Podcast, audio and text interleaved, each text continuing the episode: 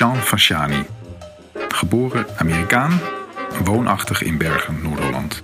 Hij is contrabassist en basgitarist en heeft een lange loopbaan in de Nederlandse jazz scene. Ja, there we go. Nou, dit is een belangrijk moment dan als, als de audio opeens aanstaat. Ja. Lijkt het net of alles heel officieel is. Officieel, toch? ja. ja. Dat we zijn we opeens op in een heel ander ding beland. Ja, dan is het gewoon eeuwig te, te luisteren. Oh, dat Ja, ook. Ben je daar heel van bewust dan? Ja, zeker. Oh ja. Heb je dat niet? Ehm, Nee, maar ook met, met opnames en zo, als je dan in de studio bent. eh, min, ja, soms heel, soms heel erg, omdat het heel precies goed moet. Ja. Maar eh, niet, al, nee, niet altijd. Omdat, dat heb ik in ieder geval met, met jazz, vooral jazz-gerelateerde dingen, Ja. dat het gewoon dat er veel meer mag. Ja, oké. En dat. eh, Ja. Ik heb dan dat ik juist eh, vrijheid voel om, om, om, om meer fouten te maken, zeg maar. Ja. Of om de vibe eh, te laten regeren. ja, dat is goed. Ja, ik, ja. Heb je, heb je er, zie je verschillen met, met bepaalde opnames van projecten? Dat je, Eh, ja, nou, ik had het. Ja, ik, ik vind het nog steeds heel erg spannend of zo. Als je dan weet, oké, dit wordt opgenomen. En ja, er- zit altijd een soort van, ja, dan, dan zit het ergens op opgenomen. En je kan het altijd weer luisteren. En, en als je het niet net niet goed hebt gespeeld of zo, dan, of je net iets anders wil hebben gedaan, dan is het altijd, eh, dat vind ik altijd, dat zit heel vaak een beetje in mijn hoofd, ja. Dat vind ik altijd lastig, ja. kan Eh, wel, nou, nu, nu steeds minder, zeg maar. Ik kan me herinneren dat het dan... Ja, dat zat er wel in de weg, soms, ja.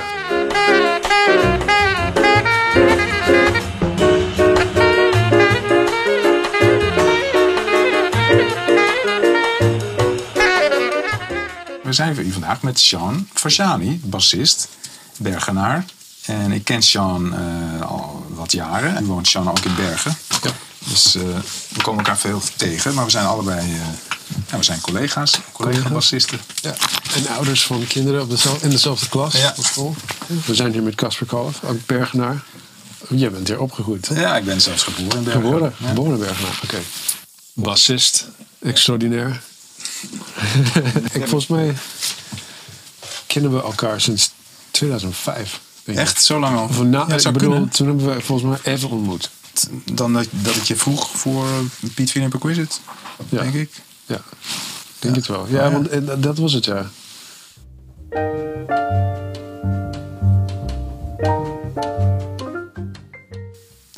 Hoe is kleine Sean opgegroeid met muziek van huis uit?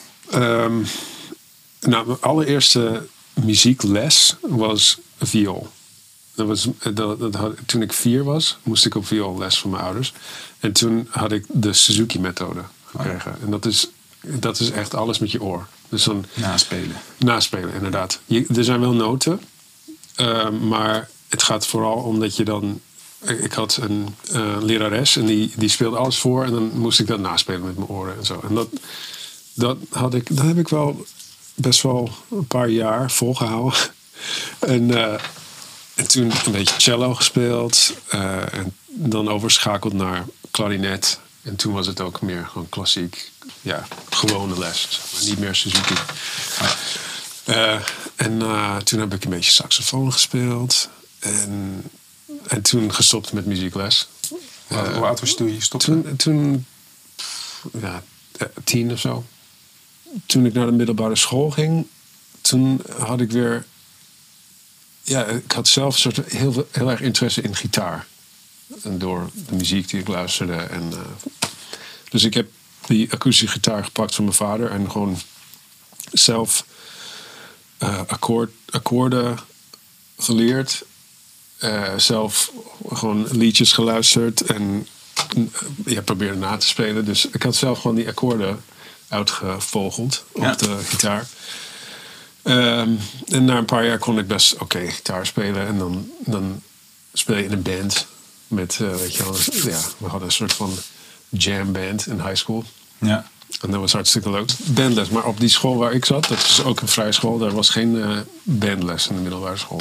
Ja. De basisschool wel, daar was een, een, een band. Ehm, maar de middelbare school, daar, daar was niet zoveel muziek, helaas. Oh, Dus dat hadden we, dat hadden we zelf gewoon georganiseerd. En toen, een paar jaar, op na het tweede jaar van mijn middelbare school, kwam er een nieuwe docent. Die gaf Engels les. Maar hij was ook een hele goede eh, jazzgitarist. En die, die begon een soort van jazzband op de middelbare school. En nou, toen was ik gevraagd om, als ik, misschien wilde ik bas spelen in de band. Want hij ging zelf gewoon gitaar spelen. Nou, dan, dan ging ik eh, eh, de basgitaar spelen. Dus ik bleef gewoon basgitaar spelen. En ja, oefeningen en ja, iets, ja, een beetje... Maar je had ook les. Nee, nee, gewoon zelf. Oh, nee. eh, Dus ja, alleen- van, van hem, van, van, de? Engels leren, le- leraar had ik wel Die, eh, die bandlessen. ja, bandlessen. Maar hij gaf me ook bepaalde dingen. Zoals, volgens mij had hij ook Jamie Abersall dingen gegeven. Van, oh, dit, dit kan je checken. Meespeel. En, eh, meespeeldingen. Ja, ta- tapes. Ja. Oh, ja. Ja, en toen, eh, toen was ik klaar met de middelbare school. En toen had ik gelijk een eh, contrabas gekocht. Ja. Was er op school niet een contrabas waar je... ja, er was wel een contrabas. Die was van iemand, en, maar die was er niet altijd. En het was ook een contrabas die was gemaakt uit alumin, aluminium. Oh. een rockabilly. eh. En, was, maar, en het was ook heel zwaar. Oh. En het was ook, de, die actie was gewoon zo hoog. Was er niet te spelen. Oh. Ik dacht, wat is dit? dit? Dit kan gewoon niet. Hoe kan je dit nou spelen? Met stalen snaren? Met stalen snaren, zeker. Wauw. En eh, het was niet te spelen. Maar dat heb je, je mocht daar wel af en toe op. Je kon er wel Ja, als hij, de, als, als hij, volgens mij was het, het was een, cont, het was een contrabas van, eh, van iemand die daar werkte. Dus hij was er niet altijd. Oké. Maar goed, dat, dat, toen ik klaar was met school had ik gewoon toch eh, geld geleend en een contrabas gekocht. Ze, waren in ze zijn, ik weet niet of het steeds is, maar toen waren ze best wel duur. Contrabas kopen daar. Dus dat heb ik gedaan. En eh, ik heb een jaar tussen middel- eh, na, na middelbare school heb ik een jaar gewerkt in een schoenenwinkel. En als ik klaar was met de schoenenwinkel werken, dan ging ik gewoon uren studeren op contrabas. echt, was echt fanatiek. En, eh, ik Je had dus besloten dat je de contrabas wilde spelen. Ja, ik eigenlijk, had terwijl je niet besloten- helemaal wist wat het nou Ja, precies. was. Ik- En je bas vond je wel leuk, maar ook basgitaar vond ik wel leuk. Zat je er toen al helemaal in, in de bas? Nou, niet echt. Niet echt. Oké. Het was, eh, ik was niet zo. eh, niet zoals toen ik de contrabas. eh, een echte mooie contrabas had. En toen ik dat concert zag. En, en toen was ik echt zo van: oh wow, dit is, dit is heel gaaf. Die wil ik echt even proberen. En, Oh, ja. en dan, dan had ik echt een soort van serieus idee: oké, ik ga heel, heel veel studeren. En auditie doen voor Berklee College Music. Oh, dat wist je ook al. Ja, dus dat heb ik gedaan. En ik was er aangenomen en ik had een soort van half eh, eh, scholarship gekregen. Ja, en toen heb ik dat gedaan. Toen heb ik eh, op Berkeley gestudeerd. En toen was er geen weg meer terug. Was het dan. Vanaf Berkeley is het gewoon eh, dan, toch? Ja, nou, het was, het was wel, het was wel een, een eh, culture shock. Ik kom uit een kleine dorp in Amerika en dan ben je in, in Boston, Berkeley College of Music. Groot school, heel veel, heel veel studenten. En niet alleen Berkeley, maar je hebt daar de Newland Conservatory en je hebt Boston University. Het is gewoon een, een enorm grote stad met studenten. Dus het was voor mij echt van wow, is een intens. Ehm, Maar ook, je komt gewoon in een, in een, in een brainwash eh, eh, eh, terecht, toch? Je een beetje wel. maar wist je dan al dat dat ging gebeuren? Zat je al zo op Nou een ja, bepaalde ik had- manier ik had- in, in ik had wel- studeren en in Ik had wel les van een. theorie? oh ja, dat was ook iets. Want die, die, de, mijn eh, Engelse leraar, hij, hij had wel goede connecties. Hij kende zelfs Sonny Rollins. Hij, hij kende eh, Jackie McLean. Oh. En Jackie McLean had, dat hele, had een, een muziekschool opgestart in Hartford, Connecticut. Dus hij had zelfs de Jackie McLean Quintet eh, op ons school gekregen, de middelbare school. wauw. Dat was, dat was heel gaaf. Dus in één, er was ook gewoon heel, heel goede muziek daar ineens op die school. En dat had, dat had een, eh, ook een enorm grote indruk gemaakt. En ook die bassist, Nat Reeves, die dan eh, die met Jack McLean speelt. Ik had ook een paar lessen met hem. En hij had, ik, ik zei tegen hem, ik wilde naar Berklee College of Music. En hij zei, ja, dat is goed. Maar dan, hij had ook zoiets van, ja, dan word je wel een beetje brainwashed daar. Dus dacht, Oké. Nou ja, maar niet op een slechte manier bedoel Nee, ik nee, het. maar het is het gewoon heel intens. Als je dat Ja. soort als, als pad kiest voor je verdere eh, Ja. op, eh, opleiding. Dus Ja. dat moet je, ja. Heb Ja, je, had je wel een beeld van dat ik zo had, zou gebeuren? Nou, een beetje. Ik, ik wist niet hoe. eh, wat, eh, wat een eh, machine daar, daar is in Berkeley. Wat een eh, well-oiled machine. Ja. Weet je wel, dat je dan. Je moet eerst betalen. En dan moet je daar. En dan er zijn allemaal afdelingen waar je. en dan uiteindelijk krijg je je lessen. En eh, ja, dat, dat wist ik niet echt. Dat het zo. maar dat, dat heeft ook, zeg maar, goede kanten ook. Want je, je, je gaat daarheen. En de eerste jaar is super intens. En je moet echt dingen heel goed leren daar. Anders dan kan je niet verder komen. Ja, en ik had les met een eh, Whit, Whit Brown. Volgens mij is hij er nog steeds. En dat was echt een, een soort old school bassist. Die had ook les met Ray Brown. En eh, dan, dan was het gewoon elke week moet je twee of drie stukken moest je uit je hoofd leren. Melodie, akkoorden, solo's, stukjes van de solo's. Ja, en dan ja, binnen een jaar heb je echt wel heel veel geleerd of zo. Ja. Misschien ben je bent er niet zo bewust van. Maar daarna ben je van, oh, ik heb echt best wel veel gedaan in een jaar. Ja. Ja. Ja. ja, dus dat heb ik. ge- toen zat ik anderhalf jaar op Berkeley. Ja. En toen was het geld op. Oh, ja. Ja, dus dat, dat was ook een eh, probleem. Ja, en dan was ik op het punt van: eh, ik kan nog een lening afsluiten. Eh, maar dan ben ik echt best wel in debt als ik klaar ben met school. Dus ik had een half jaar vrijgenomen. En eh, toen had ik, toen kende ik al Aniek. En eh, ze zei, hey, ik kan even kijken in Amsterdam. Dat is een conservatorium. Het is veel goedkoper. Oh ja, oké. Dat is ook zo. toen Oh, was het veel goedkoper. Ehm, en, en ik, ben, ik ben daar gegaan en ik had Ernst Glerum ontmoet. En eh, ik had een goed goede contact met hem. Zeg maar, ik dacht, oh, leuk, weet je wel. Dan, dan hebben we auditie gedaan. En ja, was aangenomen. En in Amsterdam, toen heb ik, alles, eh, toen heb ik mijn, mijn conservatorium afgemaakt in Amsterdam. Ging toen, kon je ergens halverwege beginnen of moest je van het begin? Eh, moest eigenlijk van het begin. Er, er was wel. Sommige dingen kon ik overslaan. ja, oké. Ja, zeker. Maar de.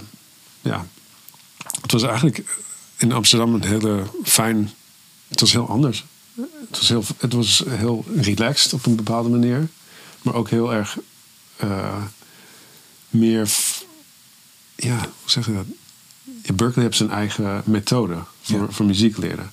En ik denk in Amsterdam is het meer een soort klassiek-achtig. Ik bedoel, je krijgt wel meer, meer klassiek eh, invloeden. Ja. En dat, dat vond ik wel, dat vond ik wel leuk. Een soort van, ja, Ernst was heel erg bezig met strijken. En eh, ja, er, er was, ja, dat, dat, dat, dat vond ik wel interessant. Ja. Ja.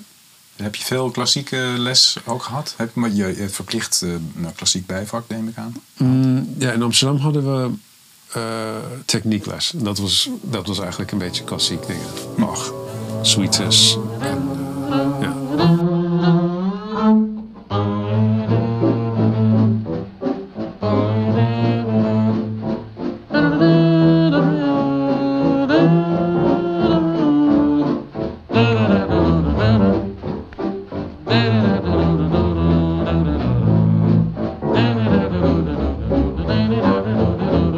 Hij nam soms een hele groep studenten naar, naar Boston, naar een jazzcafé. En eh de eerste concert wat ik zag was eh, Ron Carter Trio. En toen zag ik contrabas en ik dacht, oh, dat is wel heel gaaf. Dus dat is ook een bas. Ja.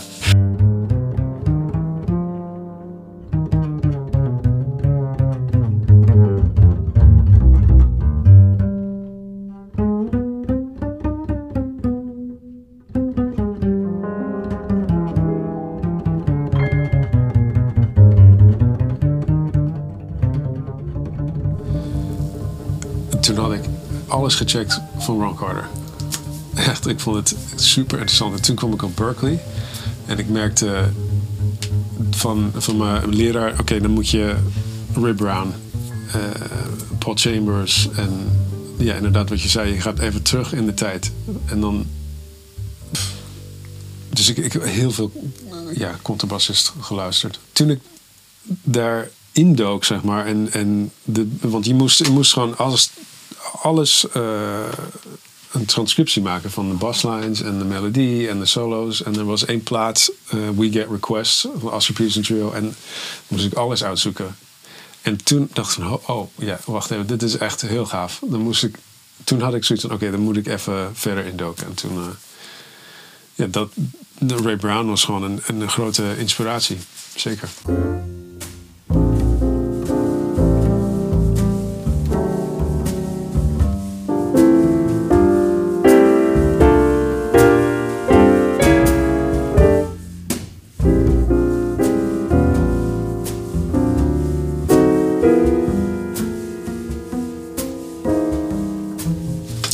Had altijd uh, een bassist, misschien ken je Butch Warren. Ken je die? Hij was de house bassist van de Blue Note Records. In eind jaren 50, jaren 60. En hij heeft op platen met uh, Kenny Dorham gespeeld. En um, ja, uh, Joe Henderson. Ja, heel veel. Elke keer dat ik een cd of een plaat hoorde met Butch Warren... Dat, wat, wat, dat geluid van de bas was niet normaal. Ik vond het zo mooi vond het echt een andere soort uh, gevoel voor time en een andere. Um, ja, hoe hij speelde was gewoon. Ik vond het zo interessant altijd.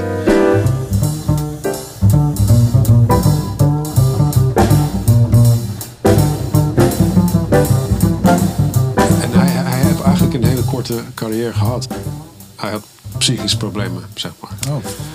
Dus hij was. Um, uh, volgens mij begin, hij ging op een tournee met um, Thelonious Monk in de kwartet. En uh, ik denk door drugs en een combinatie van ja, veel weg, ik weet het niet, maar hij, hij had uh, een psychisch probleem en hij was in een instelling. En daar bleef hij eigenlijk 30 jaar lang. Niemand wist wie hij was, niemand wist of hij nog leefde. En volgens mij begin of mid 2000, begin 2000, waren er een paar, paar muzikanten in Washington DC waar hij, waar hij woonde. Die hadden hem uh, gevonden op straat, want hij was ook een beetje een zwerver geworden. Hmm. En uh, ze hebben hem geholpen. Ze hebben hem uh, een plek, een, een, een, vaste woonplek gegeven. En een bas gekocht voor hem. En ook hebben ze een soort wekelijkse snabbel voor hem geregeld. Dat hij in een uh, jazzcafé, of een, ja, het, was, het was eigenlijk een soort bar in, in Washington DC, waar hij wekelijks kon spelen. En ik ben, in, toen ik in New York woonde, ben ik uh, een weekendje naar Washington DC gegaan om hem te zien spelen. Hmm. En ik kwam er binnen en er was een andere bassist. En ik dacht, oh nee, dan is hij dat toch niet deze week. Maar hij was er wel, maar hij kwam alleen de laatste twee nummers spelen van elke set. en, uh, maar dat, dat, was, dat was echt indrukwekkend. Want hij, hij speelt op dezelfde bas als die, de, de andere bassist die er was. Mhm. Maar uh, hij, geen versterker. Hij, er was een versterker, die andere bassist had een versterker. Hij, nee, hij deed de versterker uit. En de, hij was zo groot en zo ja, het was, het was ik, ik vond het ongelooflijk. Hij ging zo'n twee, twee stukken spelen, want hij was, hij was best wel oud. En volgens mij had hij niet heel veel energie en de concentratie om een hele set door lang te spelen. Maar hij, het, was, het was ongelooflijk, want dat, dat geluid en dat gevoel voor time, dat had hij nog steeds. Oh ja. Het was echt ongelooflijk. Dat, dat zal ik nooit vergeten. Dat je zo'n heel groot verschil meteen opmerkt. Ja, maar, dan, maar ook gewoon iemand die dan hij had altijd, ik had altijd een, uh, wat ik zei, ik hoorde hem op platen. Ik zei, dit, dit is zo gaaf hoe hij speelt en uh, de, de basloopjes die hij speelt. En, ja. en toen had ik hem eindelijk gezien. Ik dacht, wow, dat, dat, hij is nog steeds, dat is gewoon, dat is zijn persoonlijkheid op de bas. Die komt gewoon door. Oh ja. Het maakt niet uit uh, hoe oud je bent of wat, wat je allemaal meegemaakt. Dat zit er gewoon in ergens. En uh, ja, hij had geen tanden. En je zag dat hij gewoon een beetje een surfer en een hele zware leven had. Maar hij, ja, hij, hij zat daar te spelen. En er was, er was niet zoveel mensen. Ik bedoel, het was gewoon een, een, een bar in Washington D.C. Eh, ja, precies. Dat, daar, daar speelt hij op. Speelt hij op uh, record mee bijvoorbeeld? Ja. Dat vind ik altijd zo specifiek. eh. Daar heeft hij best Dat- wel een vrije rol, krijgt hij, zeg maar. Hij zoekt, Ja. hij zoekt het een beetje op, dat is wel leuk. Dat vind ik wel kenmerkend voor hem een beetje, die Ja. sound. Maar ook dat hij dan. Er zat, er- het, is een, het is eigenlijk een soort van popmuziek, die, dat plaat. Want er zat, er zat een paar nummers op waar er een, een soort specifieke baslijn speelt. Wat ehm, niet zeg maar eh, een gewone bassist zou spelen. Ik weet niet of hij dat heeft geschreven of misschien heeft Joe Henderson dat uitgeschreven. Maar het is, er zit wel een soort van heel interessant eh, ritmisch en ook melodische basloopje in. Dat vind ik echt altijd heel erg interessant. Ja. Goed, dat was, dat, ja, dat was, dat was heel. eh, ja, was een bijzonder moment. ja, hij speelt ook die Kenny Dorn platen allemaal, of niet? Ja, Una Mas speelt hij ook. Una. Mas is ook zo'n classic eh, huis van een bas eh, Ja. partij. Ja, echt.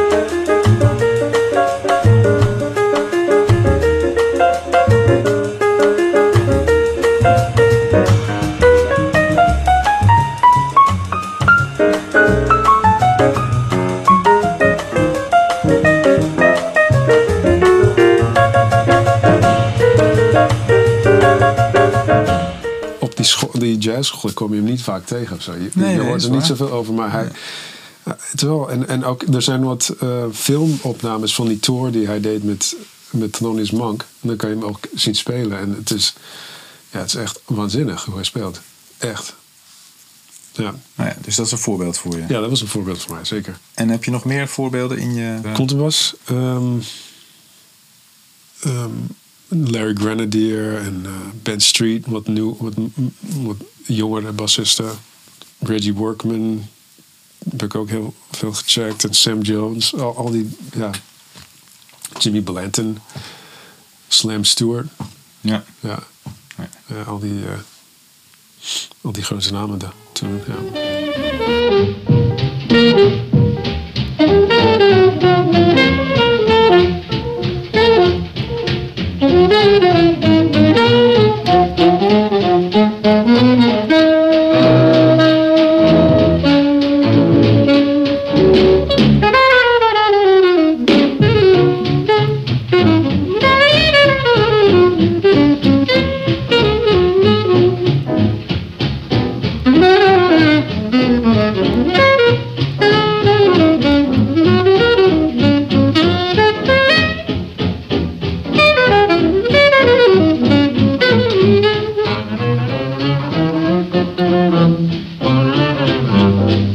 Ik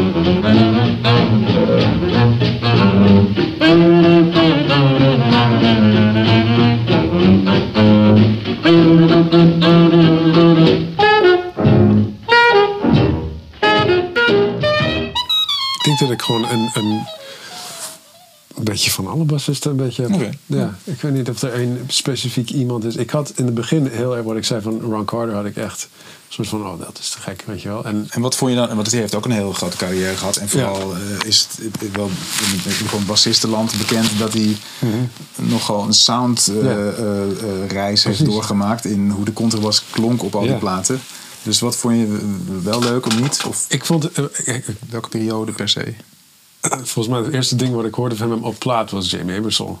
Oh ja, en toen, doet hij ook mee. Ja, Ja. en daar, daar staat wel funky dingen op. Oh ja. Dus dan kan je Maar dat gelijk is- een beetje indruk krijgen van oh dat, is Ron 80s. Carter. Dat is echt Maar dat is 80s. Ja, ja, dat is Dat echt is gewoon dat, de- dat sound, ja. De, hoe noemen we dat? De, ben van der Dungen noemde het volgens mij de, de pijl- en boog sound. ja, ja. Een soort. Als je Ja. een pijl aan- van een, boog zit, dan Ja, het is heel. Ja, het is een. Het is inderdaad. Je krijgt, het is niet zoveel eh, body van, eh, van, de, van de instrument. Ja, want eh, voor de luisteraars, het is eigenlijk, je hebt heel veel versterkte Ja. manier van, van, van de, wat je daar hoort. Ja, inderdaad. Hij was, Ron Carter was de, de, de voorbeeld van de bassist die dan heel erg met die, de elektrisch sound Ja. van de contrabas meeging. Een systeem wat dan in je kam zit. En eigenlijk heel direct Ja. het, niet het, het, het klankkastgeluid versterkt, maar eh, het geluid wat rechtstreeks van de snaren Ja. eigenlijk af wordt Ja. opgenomen Ja, precies. in de kam. Ja. Dat was ook volgens mij ook een, een beetje dat, die tijd in de jaren 70. Daar kwam dat platenlabel CTI. Oh ja, En de producer had ook gewoon, hij wilde dat geluid ook. Ja. Want het is, er is een Ray Brown platen ook waar hij dat geluid een beetje heeft ook.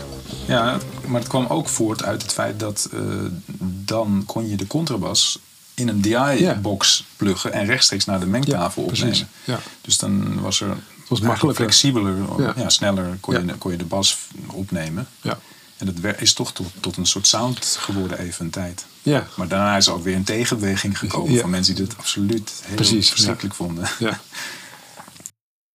Maar ook gewoon tegen de gebruik van een versterker. Überhaupt. Ja, nog steeds toch? Nog steeds, ja. Ook omdat de darmsound op de contrabas veel meer in is dan vroeger. Ja. Of misschien Nou, is dat dan een logisch niet- gevolg daarvan. Ja, ja zeker. Dat was altijd de geluid van de contrabas. Maar we hebben als bassist altijd een grote strijd tussen de fijne sound op het podium krijgen voor jezelf. Ja. Ja. Of probeer je heel erg toch een soort akoestisch eh, imitatie te vinden? Ja, ik, ik heb heel lang met een microfoon en een pick-up geprobeerd te combineren. En dan, weet je wel, tegen de, de front of house en de sound. En, ja, ik wil echt een microfoon voor de contrabas hebben, dat soort dingen. Maar ik heb het allemaal opgegeven. Ja, want met een microfoon kan je beter de, de kast, klankkast Ja. sound eigenlijk. Ja, precies. Met een microfoon kan je echt, echt het geluid van de contrabas Ja. opnemen. Maar dat is, dat is heel moeilijk. En je, ja, dat weet je ook met een drummer naast je. Andere instrumenten Andere worden ook instrumenten, opgenomen in die- precies. microfoon. En dat is niet altijd wenselijk. Ja, en de contrabas is zo'n frequentie, weet je wel. Een klein stukje. klein stukje. En de drums gaat het hele spectrum over. Dus dan, de microfoon die neemt dat op. Ja. Nee, het is heel moeilijk, ja. Ja, het is, dat, dat, is een, dat is altijd een strijd met de contrabas, ja. Die, eh, een comfortabel geluid op het podium. Dat mensen je ook kunnen, ho- kunnen horen in het publiek. Ja. Zeker. Maar je, je, laat, het, laat het, jij het je beïnvloeden Nee. op een avond? De Nee. sound? Nee. nee, niet meer. Heb je wel gehad? Ik heb gehad, ja, heb het wel zeker gehad. Dat optredens eigenlijk bijna verpest zijn voor jezelf doordat je sound niet goed is geweest. Mm, Nou, ja, met verpesten, ik weet het niet. Ja, ja, ja soms, ja. Dat je ja. het niet los kon laten. Ik, eh, ik, ik kan het, maar bij mij is dat echt wel gebeurd. Ja. Ja.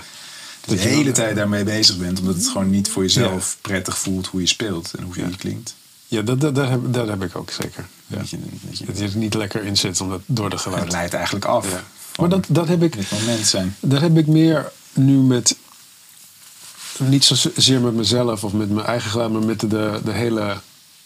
de geluid van het de project of de band waar je mee speelt. Dat, dat kan me wel aan storen, zeg maar. Als ik op een plek speel waar het gewoon niet mooi klinkt voor muziek. Ik speelde laatst zaterdag op een, in, in een festival en het was in, in, eh, het, was, het klonk gewoon heel slecht. De hele concert. Het was gewoon niet, een, het was niet bedoeld om daar muziek te hebben. Ja. En dat is. Dat, dat, dat, dan kun ik, dat, dat, dat concert ging niet zo geweldig. Omdat ik dan. Ja, iedereen zat daar een beetje mee. Ja. De hele band. Ja. Ja. En dan de volgende dag speelden we op een andere plek. En dat klonk geweldig. Ja, en dan was de muziek ook gewoon. Ja. Maakt heel veel uit, ja.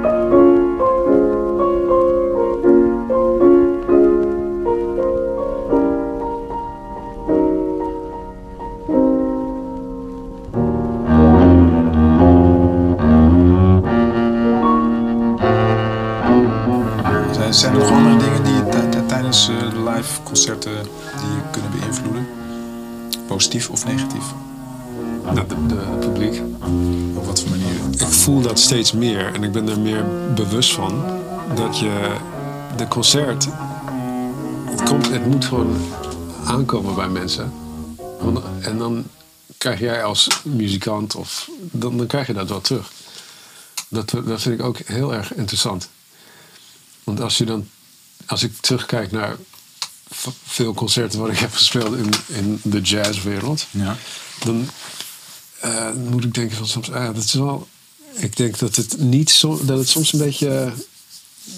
ja, ik weet niet, er is soms een beetje een eh, discrepantie of zo in de, in, in de verhouding tussen de muzikant en het en de luisteraar. En ligt het dan aan, de, aan hoe de band eh, misschien speelt? Of ligt het aan Ja. dat de band daar eigenlijk misschien helemaal niet bij dat publiek past? Dus misschien wel verkeerd geboekt is? Ja, zo, dat, dat kan. Ja, dat, Dat het publiek allemaal. heel weinig eh, misschien Nee, gewend dat, is? dat je denkt. eh, ja, ik, weet niet. Dat, soms is er een soort muziek die heel erg vanuit het hoofd wordt gepresenteerd. Het, soms kan dat heel, heel goed werken met een publiek die dat ook verwacht. Als het niet goed aan elkaar afgestemd is, dan, dan is dat. dat ik, ik merk dat dat niet echt. Dat, dan kan je niet lekker spelen. Ja. Ja. Maar een voorbeeld was bijvoorbeeld met, met Ranier.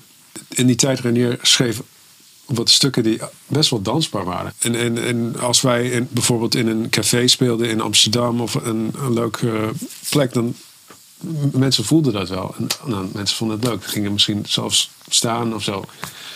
Maar als we dan een, een tour deed door de jazz trekken, dan hadden soms heb ik zo oh, dit, dit, het kwam, ik had het gevoel dat de muziek niet helemaal aansloot bij het publiek.